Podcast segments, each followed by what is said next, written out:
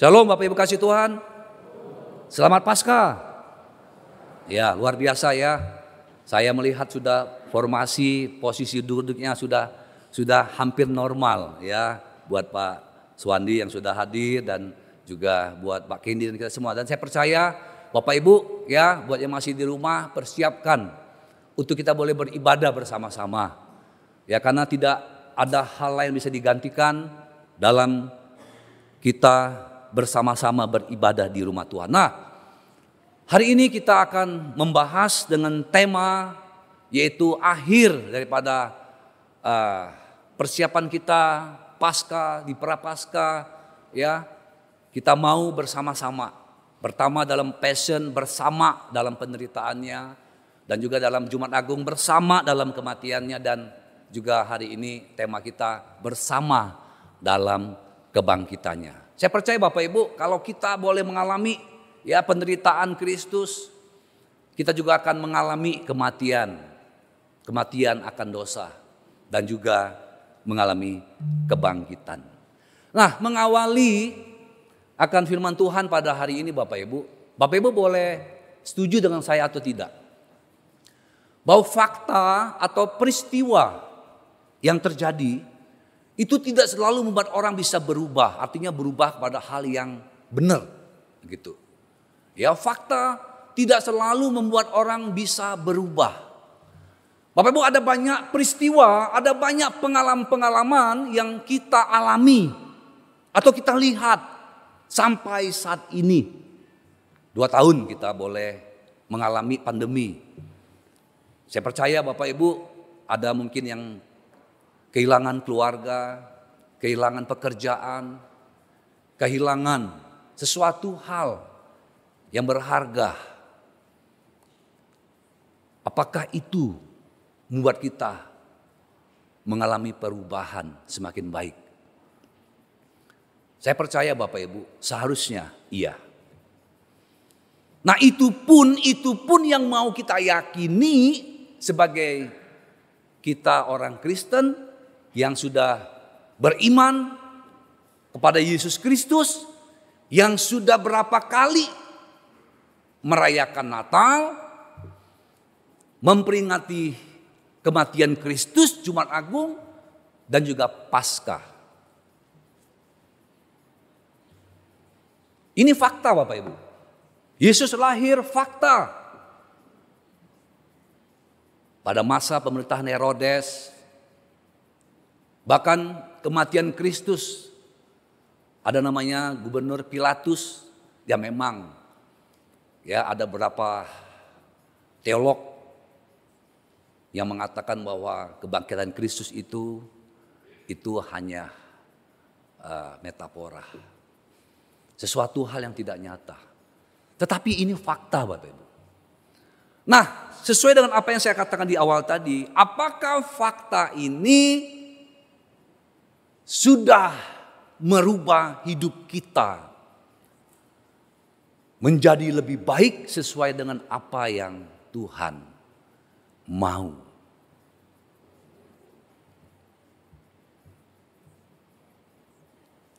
Dalam hidup ini Bapak Ibu hati-hati. Kita kemarin kita bersama-sama dalam ibadah Sabtu Sunyi. Sabtu Suci apa artinya? Artinya bahwa antara Jumat Agung, Jumat mengapa agung? Itu hari yang benar-benar agung Bapak Ibu. Hari penebusan dosa seluruh manusia. Dan juga minggu hari Paskah. Nah antara Jumat dan minggu ini ada namanya Sabtu Sunyi. Senyap. Sehingga ada teolog yang mengatakan Tuhan sudah mati. Tetapi Bapak Ibu, ketika fajar menyingsing, pasti dan jelas sekali bahwa Kristus bangkit. Nah, kalau fakta-fakta yang kita alamin ini Bapak Ibu, ya tidak mengalami perubahan. Lalu apalagi yang harus dinyatakan. Kita tahu Bapak Ibu dalam kalender pun diakui dalam kalender kalender Masehi. Kalender yang kita pakai sekarang 2022 itu kalender Masehi. Titiknya kapan Masehi? Waktu kelahiran Mesias. Makanya ada agama tertentu menolak itu. Seolah mengakui kelahiran Yesus Kristus. Titiknya nol. Di situlah kalender berlaku dan sampai saat ini. Berarti Yesus lahir sudah 2022. Itu fakta. Tapi mengapa fakta tidak membuat hidup orang mengalami perubahan? Mengapa Bapak Ibu? Ini perlu kita renungkan. Saya sebagai orang Kristen sudah puluhan tahun. Ada masa-masa di mana saya tidak bisa mengikuti perayaan Natal. Karena pada masa-masa itu, masa-masa hidup saya jauh daripada Tuhan. Tapi setelah saya banding-banding, dulu sebelum saya ikut merayakan Natal dan sekarang, pernah saya bandingkan kok nggak ada perubahan ya. Biasa-biasa saja. Yang ada hanya baju baru kalau Natal. Ada kue, ya kalau kita hamba Tuhan ada namanya open house. Nah kita mau Bapak Ibu hari ini bersama-sama ya bersama-sama dengan saya kita semua kita mau supaya fakta itu bisa membawa perubahan hidup kita. Amin. Amin. Bapak Ibu ada yang datang siapa percaya mungkin ngantuk ya. Ada yang datang ngantuk karena mungkin malam begadang atau bagaimana. Saya Bapak Ibu nggak tahu ya. Saya tadi malam seger. Sampai jam setengah empat, nggak tidur jam empat. Apalagi ya eh, semu khotbah di Jakarta Pusat jam lima, Jam lima mereka benar-benar menyongsong kebangkitan Kristus. Tapi saya bisa mengatakan bahwa saya bersuka cita. Kenapa? Karena nah ini ya. Ini jadi kita membahas hari ini Bapak Ibu apa yang Paulus tuliskan dan ini menjadi dasar tema pasca kita dari Filipi 3 ayat 10 sampai 11. Silakan Bapak Ibu melihat di situ, sudah saya uh, berdiri di situ. Kalau mau buka Alkitab boleh. Ya, saya akan bacakan buat kita semua. Filipi 3 10 dan 11. Yang ku kehendaki ialah mengenal Dia dan kuasa kebangkitannya dan persekutuan dalam penderitaannya di mana aku menjadi serupa dengan dia dalam kematiannya supaya aku akhirnya beroleh kebangkitan dari antara orang mati. Amin. Bapak Ibu ini adalah kerinduan Paulus. Paulus katakan yang ku kehendaki. Jadi dia menghendaki terus, terus, terus apa? Bapak dia menderita. Dia hampir mati. Dia melayani Tuhan. Dan dikatakan aku ingin terus mengenal Tuhan, mengenal Tuhan. Bapak kata mengenal itu kalau dalam wisdomnya Yahudi itu kata yang sangat intim sekali yang digambarkan antara suami dengan istri intim. Bayangkan. Paulus mengendaki keintiman yang benar-benar intim kepada Tuhan dan kuasa kebangkitannya. Apa tujuannya? Dia ingin serupa. Dia ingin serupa dengan Kristus. Dan pada akhirnya dia beroleh kebangkitan dari antara orang mati. Tapi kalau kita memahami secara teologis ya kering rasanya ya. Memperoleh kebangkitan orang mati. Lalu kalau kita aplikasikan ya indah sekali Bapak Ibu. Kebangkitan orang dari antara orang mati. Artinya kita beroleh kebangkitan. Ada sesuatu hal yang kita dapatkan ketika orang tidak bisa bangkit, kita bisa bangkit. Itu Bapak. Makanya jangan kita berpikir hidup ini sama dengan orang lain. Beda. Jangan jangan mau Bapak Ibu secara alami, jangan harus secara ilahi. Karena karena ini adalah pergumulan Paulus dan kerinduan Paulus. Nah, secara logika, Bapak Ibu, secara logika, jika ikut dalam kematiannya, apa? Mati ya karena dosa, tersalib, maka juga akan ikut dalam kebangkitannya. Tidak mungkin Bapak Ibu kita sudah diampuni dosa kita ya. Kita tidak mengalami kebangkitan, tidak mungkin. Itu ada yang salah pasti. Ada yang salah. Kalau kita mengaku bahwa kita sudah diampuni dosa kita oleh kematian Kristus, Jumat Agung. Maka kita juga harus mengalami kuasa kebangkitan itu. Nah ini yang sering kali ya sulit bahkan mungkin tidak banyak yang bisa memahami. Bu mengalami kuasa, kuasanya ada tapi kadang kita tidak mengalami. Nah kita akan belajar Bapak Ibu ya hari ini. Supaya kita mendapatkan kuasa itu. Nah kita melihat contoh dulu ya. Bapak ada satu perubahan yang nyata daripada Paulus, bahkan secara radikal. Bapak dia hebat sekali, dia luar biasa sekali. Paulus ini boleh katakan dia kuat. Tapi akhirnya Tuhan lemahkan dia karena Tuhan ingin memakai Paulus. Nah, dalam pergumulan Paulus lihat, Tuhan ini aku nih hebat loh Tuhan. Ya. Tapi ada ada duri nih. Tolong Tuhan cabut duri itu kalau cabut duri itu aku dengan kekuatanku aku melayanimu Tuhan itu kata Paulus. Kalau Tuhan tidak. Justru dalam kelemahanmu itu kuasaku. Jadi Bapak Ibu yang kasih Tuhan, Tuhan lemahkan Paulus. Dia lemahkan tiga hari dia buta. Dia tidak bisa melihat, dia terkapar, tersungkur.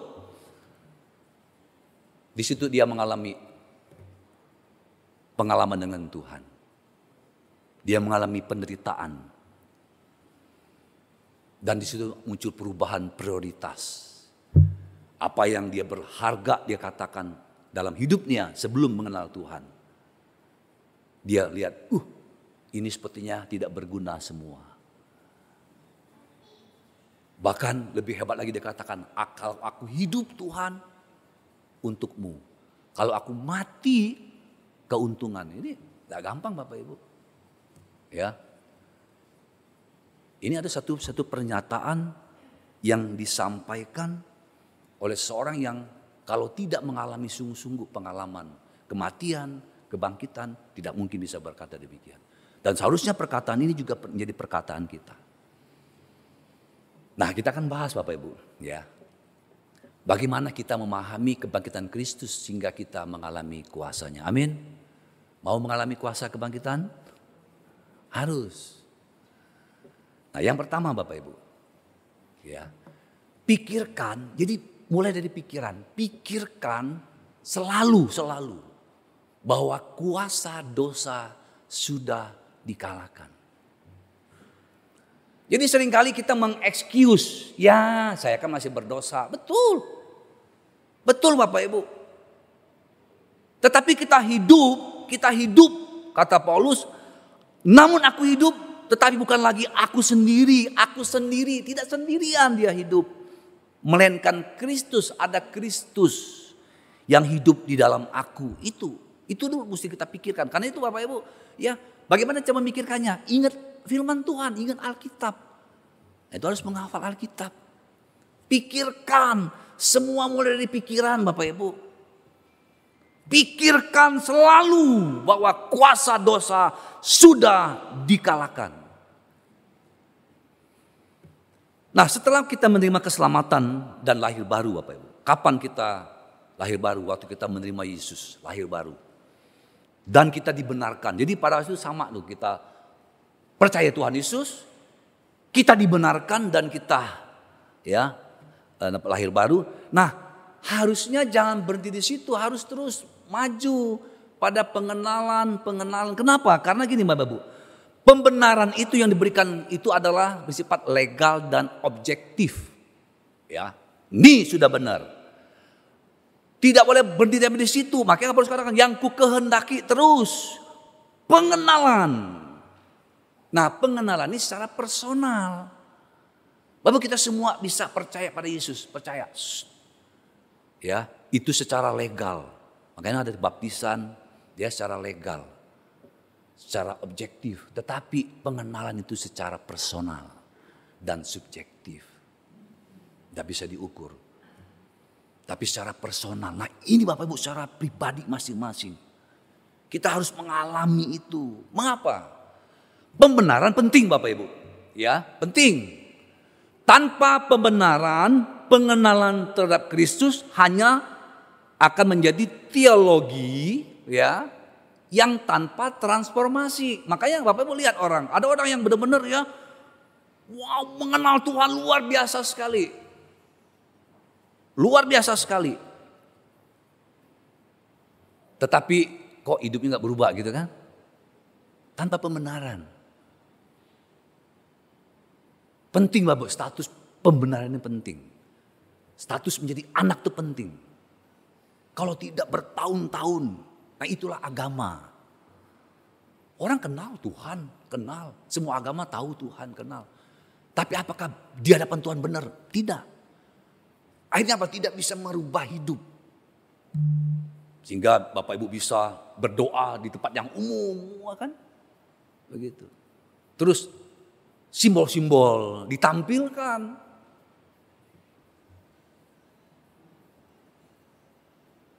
Tetapi tanpa pengenalan, pembenaran hanyalah sebuah spekulasi yang belum terbukti. Jadi ini jelas ya. Filipi 2, Filipi 3 ayat 10 dan 11 ini yang ku kehendaki serupa dan beroleh. Nah ini penting sekali. Ibu. Ini yang pertama Bapak Ibu. Jadi yang mau saya katakan Bapak Ibu, saat ini ya kita pikirkan selalu bahwa kuasa dosa sudah dikalahkan. Nah saat ini kita ini bertempur bukan berperang. Ada perbedaan antara bertempur dengan berperang Bapak Ibu. Berperang itu antar negara perang. Duar, duar. Korbannya apa? Rakyat sipil.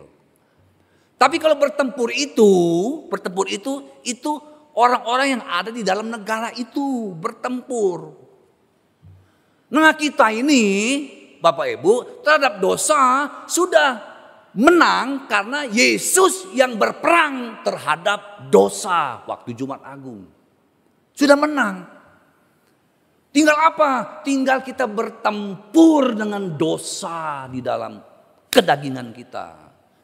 Contoh lagi lebih sederhana gini Bapak Ibu. Ya, sekarang ini Rusia dan Ukraina sedang berperang. Perang nih, bukan tempur, perang. Bapak Ibu, yang pertama, adakah yang mau tur ke sana? Enggak ada pasti, betul enggak? Pak ini mau. Bu Linda, kita uh, mengenang bulan madu kita ke Ukraina ya. Enggak ada yang mau. Ajak saya pun saya akan bilang, maaf Pak ini ada pelayanan lagi perang, Bapak Ibu situasi apa pun ya mau ah nanti kita cari tempat yang aman. Ya, ada tuh tempatnya, pokoknya aman. Nyasar pelurunya mati. Lagi perang. Lagi perang artinya negara itu Bapak Ibu itu dalam suasana yang tidak ada kedamaian dan was-was. Mungkin siung doang, siung doang. Itulah perang dosa yang dialami oleh manusia sebelum kematian Kristus. Jadi jangan salah, kita bukan berperang melawan dosa, tidak mampu. Kita berperang ya, bukan dengan dosa. Berperang itu Kristus sudah menang, makanya ku menang, ku menang. Is bangkit itu kemenangan. Nah, sekarang bagaimana hidup kita? Kita bertemu bertempur dalam pergumulan. Nah Indonesia perang enggak? Tidak. Bertempur, iya. Dengan siapa? Dengan radikalisme, dengan teroris. Dengan perampokan, dengan begal, dan sebagainya. Nih Pak Profesor tahu itu. Itu pertempuran. Harus dinyatakan dengan hukum. Jadi Bapak Ibu kita masih bisa aman. Mau mau apa? Mau ke Bali. Yang namanya di Indonesia masih aman meskipun memang ada pertempuran. Ada geng sama geng tapi tetap aman. Nah itulah kondisi kita pikirkan bahwa peperangan dengan dosa sudah dikalahkan oleh Kristus. Dan kita tinggal bertempur, bertempurnya secara pribadi dalam pergumulan kita. Apa pertempuran kita? Kita harus mulai pertobatan Bapak Ibu. Kita bertobat harus. Apa pun yang kita lakukan, yang kita buat, yang tidak menyenangkan di Tuhan, tinggalkan itu. Harus kejar kekudusan hidup. Jadi kita bukan berperang, kita bertempur. Supaya kita terus mengalami pertobatan, kekudusan. Bapak Ibu yang mungkin hidup dalam kebencian, itu pergumulan, tinggalkan kebencian itu. Engkau mampu bertempur terhadap itu. Kau yang bergumul mungkin terhadap pornografi, banyak Bapak Ibu sekarang ini. Jatuh, bangkit, jatuh, bangkit, jatuh, bangkit. Sebenarnya engkau mampu mengalahkan itu semua. Karena kita bertempur dan bergumul. Nanti kita akan lihat bagaimana caranya. Nah, saya mau katakan hari ini, mari pikirkan bahwa kuasa dosa sudah dikalahkan. Bukan lagi berperang, tapi kita bertempur, kita bergumul dalam diri kita. Dulu kita melakukan A, itu pergumulan kita terus. Bergumul dalam pertempuran. Suami bergumul dengan istri. Bagaimana saya harus terus mengasihinya. Istri, bagaimana saya harus menghormati terus suami. Dengan anak, ini orang gimana sih papa ini? Gak ngerti aku. Bergumul. Mertua dan menantu. Sesama, teman, kerabat. Dengan pimpinan kita. Itu pergumulan Bapak Ibu. Jangan, pernah saya katakan, jangan pikir mau diangkat, jangan.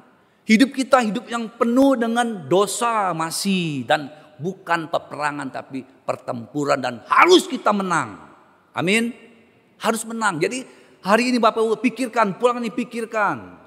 Kuasa dosa sudah tidak mampu lagi, sudah dikalahkan oleh Kristus. Nah sehingga kita bisa mengalami kemenangan demi kemenangan nanti. Jadi pasca kita menang. Menang apa hari ini? Saya bisa hidup ya di dalam kasih.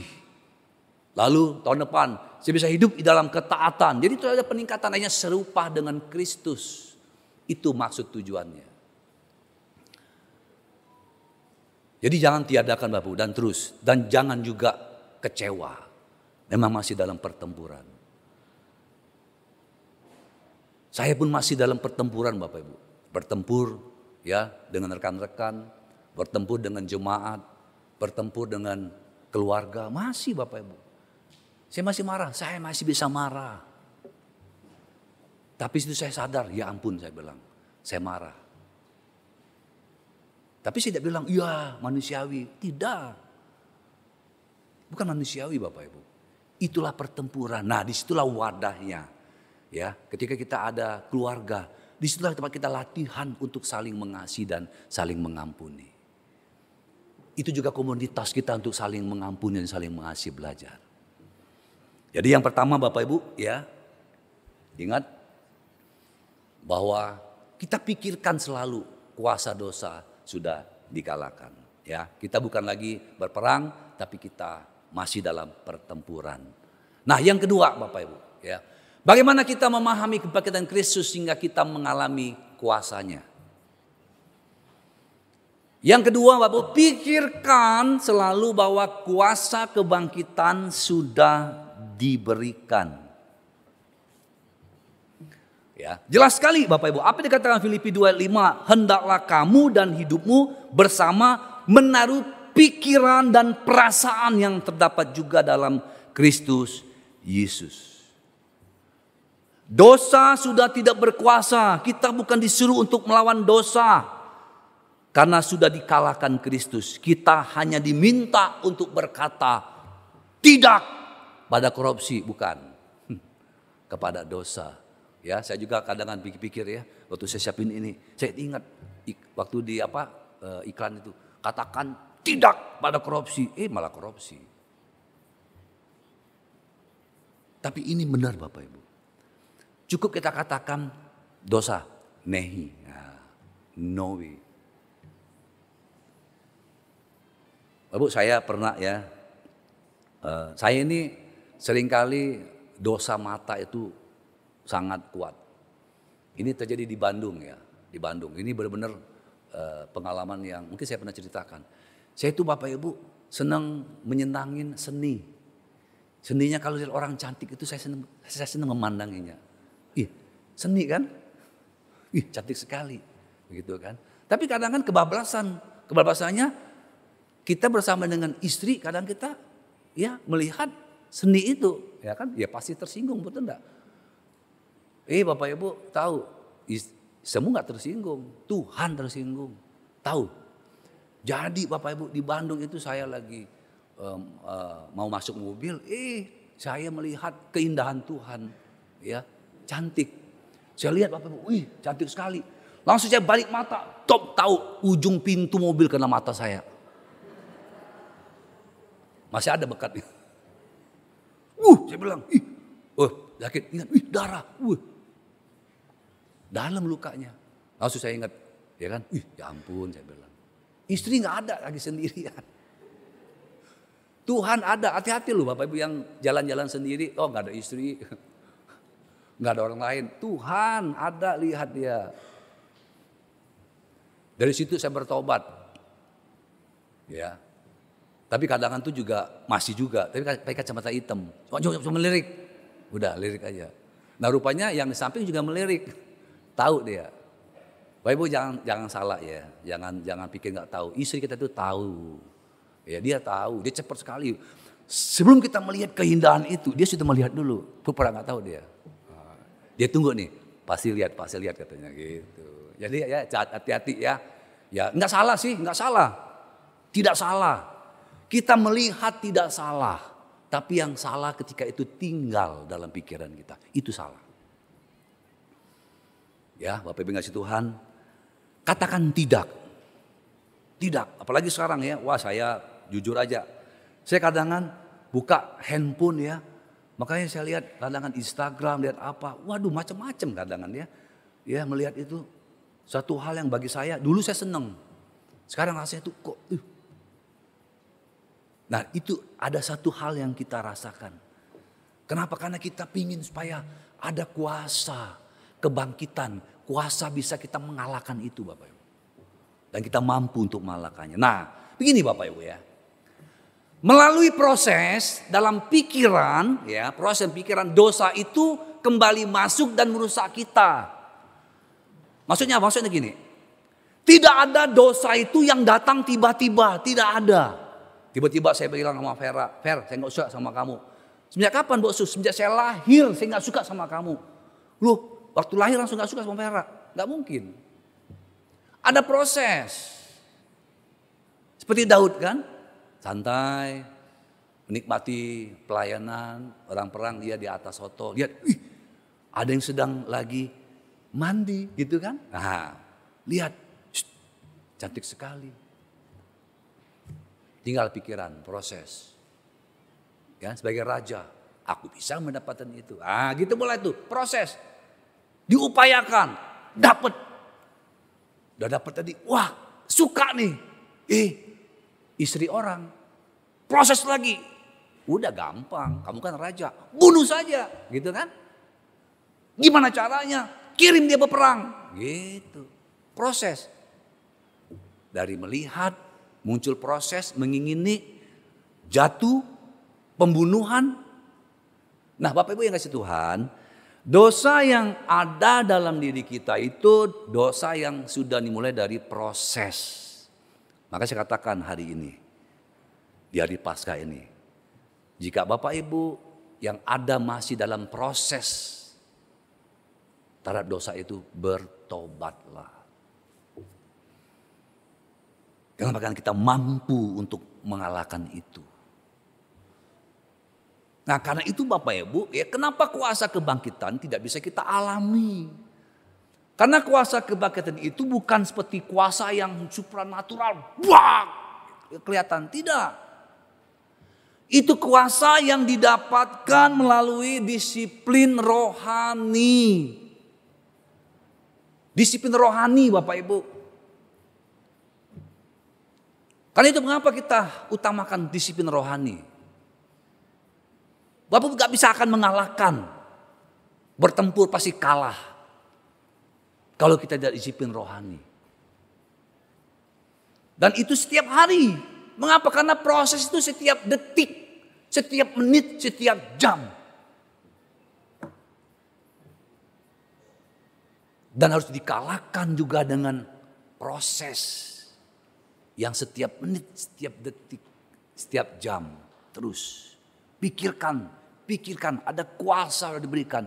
Pikirkan kalau dalam bahasa seberang sana itu berzikir. Pikirkan terus, pikirkan terus. Bukan mantra, bukan. Nah, dengan itu semua Bapak Ibu, maka kita bisa melawan. Nah, ini yang dipesankan oleh Paulus pada Timotius. Dalam 1 Timotius 4 ayat 7 dan 8. Tetapi katanya, jauhilah tahayul dan dongeng nenek-nenek tua. Saya renungkan kenapa sih harus nenek-nenek tua? Ya. Latihlah dirimu beribadah. Latihan badani terbatas gunanya. Tetapi ibadah itu berguna dalam segala hal. Karena mengandung janji baik untuk hidup ini maupun untuk hidup yang akan datang. Disiplin rohani yang pertama yang mau saya katakan, Bapak Ibu yang masih ibadah di rumah, ibadahlah di gereja.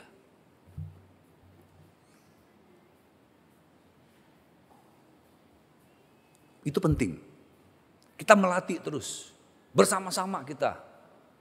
Di rumah Tuhan. Lalu kita membaca Alkitab. Untuk apa baca Alkitab? Bapak kita ada pembacaan Alkitab minggu ini. Selalu ada, saya nggak tahu sejauh mana kita ngikutin ini. Untuk apa? Untuk kita melatih terus Bapak Ibu, melatih terus. Bahkan harus dihafalkan. Supaya kita bisa muncul, kita langsung keluarkan. Jadi Bapak tidak akan bisa kita menang kalau tidak kita kalahkan dengan firman Tuhan. Bapak Ibu khawatir, khawatir, khawatir, khawatir. Langsung bilang apa? Mau di mau dikasih kata-kata apa? Tetap khawatir. Firman Tuhan serahkanlah segala kekhawatiranmu. Wah, serahkanlah. Wah, lega kita. Ada beban. Aduh berat sekali beban ini rasanya. Berat sekali beban. Ia bergumul, bergumul dengan dosa. Ingat ayat. Mari kepadaku semua yang letih lesu dan berbeban berat. Aku akan memberikan kelegaan kepadamu. Tenang, hanya firman Tuhan yang bisa menenangkan jiwa kita. Bukan perkataan nenek-nenek tua. Tahayul. Perkataan tidak salah. Itu perkataan saya katakan mendekati kebenaran. Mungkin dulu mereka meyakini ada kebenaran yang harus diberikan. Ya, dulu saya ingat sekali Bapak Ibu, waktu musim-musim pawang-pawang hujan itu kami sudah Bapak Ibu, kami sudah waktu saya masih eh, SD SMP kalau udah mau hujan turun, drung, tahu apa? Ambil cabai sama bawang, ditusuk, ditaruh. Nyuruh saya taruh, saya taruh Bapak Ibu. Bawang, cabai. Ini benar berhenti hujannya. Tuh apa enggak tumbuh iman? Itu kan ajaran nenek-nenek tua. Iya. Lalu ya yang belum menikah jangan duduk di depan pintu nanti nggak dapat jodoh gitu. Bukan macam-macam. Bapak itu tahayul. Firman Tuhan dah bilang, jauhilah tahayul dan dongeng. Itu dongeng, dongeng itu nggak ada. Nenek-nenek tua. Lalu apa? Latilah dirimu beribadah beribadah. Baca firman Tuhan, berdoa. Untuk apa berdoa? Untuk melawan supaya kita menang dalam pertempuran itu Bapak Ibu. Apa saya khotbahkan di sini? Sebelum berangkat kerja berdoa. Tuhan, saya akan berangkat kantor ya, melewati jalan ini. Kan kita tahu nih jalan itu. Seringkali Tuhan macet di sini. Tapi sering kali gini loh Tuhan. Sebelah kanan ini panjang. Nah, saya harus habis yang tengah Tuhan. Supaya lebih cepat nanti lo merah langsung ke belok kanan. Nah gitu kan. Itu udah melanggar. Doain dulu. Jadi waktu ketemu nanti kita tahu, ih udah doa. Terus pelan sehari-hari akhirnya menang. Gitu. Mana bisa tiba-tiba mau menang.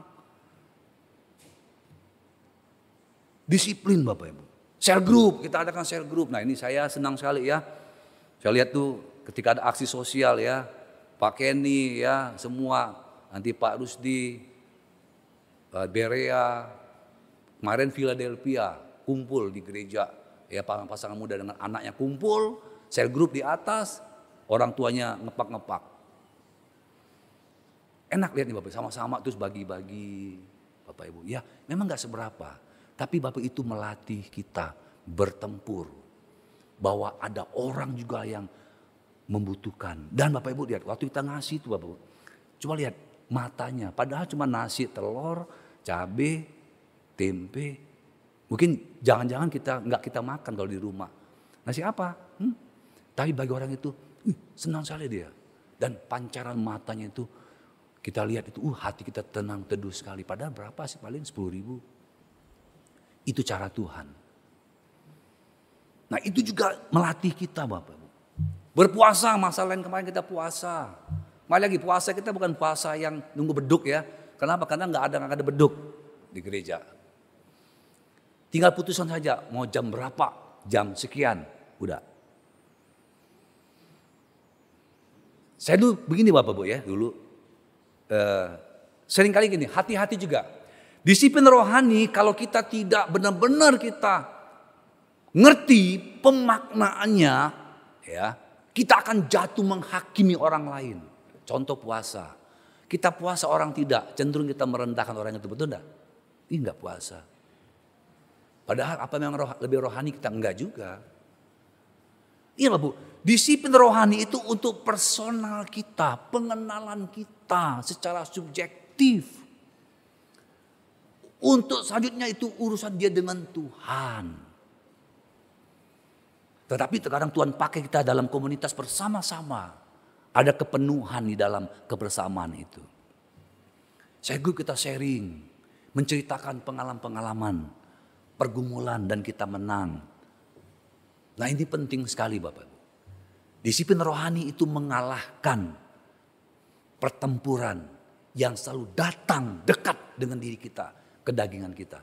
Jadi ada tiga hal yang masih kita lawan sekarang Bapak Yang masih kita lawan sekarang, bertempurnya ingat ya. Yang pertama itu diri kita, kedagingan kita. Itu ya pengen dihargai, ya ego, memenang sendiri, ya, pokoknya itulah diri kita. Yang kedua dunia, Dunia akan selalu ya, oh biasa kok begini nggak apa-apa. Dunia dan yang ketiga itu iblis. Nah ingat iblis itu tidak mampu lagi mengalahkan dia hanya menguang karena dia sudah kalah berperang dengan Kristus. Nah tiga ini ya Tritunggal Allah Bapa, Allah Anak, Allah Roh ada juga itu. Diriku dunia iblis. Jadi maka kalau kita nggak imbang secara tiga ini, disiplin rohani kita pasti kalah dan kuasa kebangkitan itu tidak bisa kita alami. Jadi hanya titik sampai gini. Dosa sudah dikalahkan. Ya sudah. Terus sudah. Nah, diri kita, kedagingan kita terus masih. Makanya jangan heran Bapak Ibu ada orang yang mungkin sudah menjadi orang percaya tapi hidup masih hidup manusia lama. Galatia katakan manusia lama harus ditinggalkan. Sekarang manusia baru. Nah manusia baru itu manusia yang berkemenangan di dalam pertempuran-pertempuran setiap hari. Nah kiranya Bapak Ibu yang dikasih Tuhan ya Yesus yang bangkit itu memberikan pada kita kemenangan. Ingat kita harus menang Bapak Ibu. Kenapa? Karena Tuhan sudah memenangkan peperangan. Tinggal kita memenangkan pertempuran.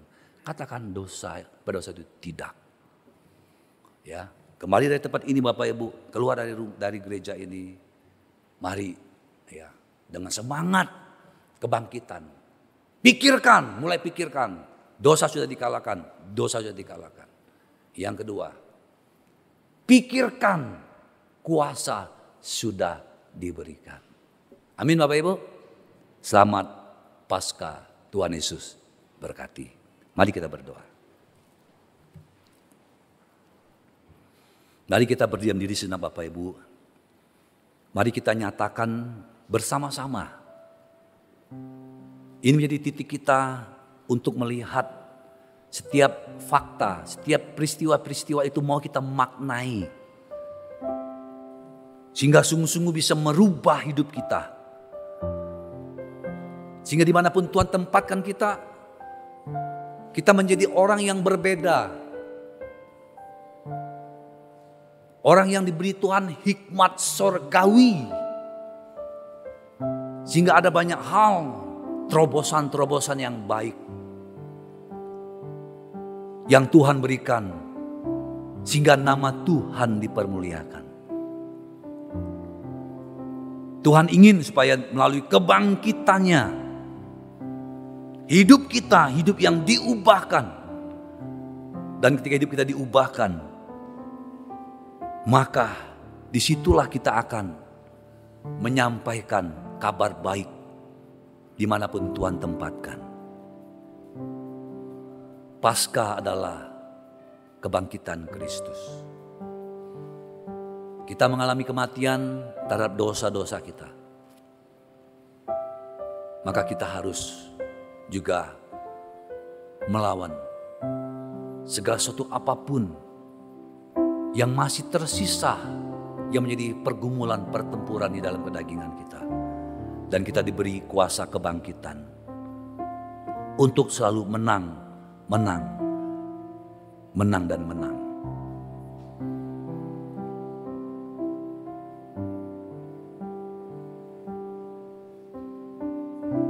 Tuhan kami datang kepadamu. Kesekian kali kami boleh merayakan Paskah. Kebangkitan Kristus yang nyata dan kami memaknai sungguh-sungguh Tuhan bahwa Engkau yang lahir, mati dan bangkit Engkau menjadi yang sulung bagi orang-orang percaya.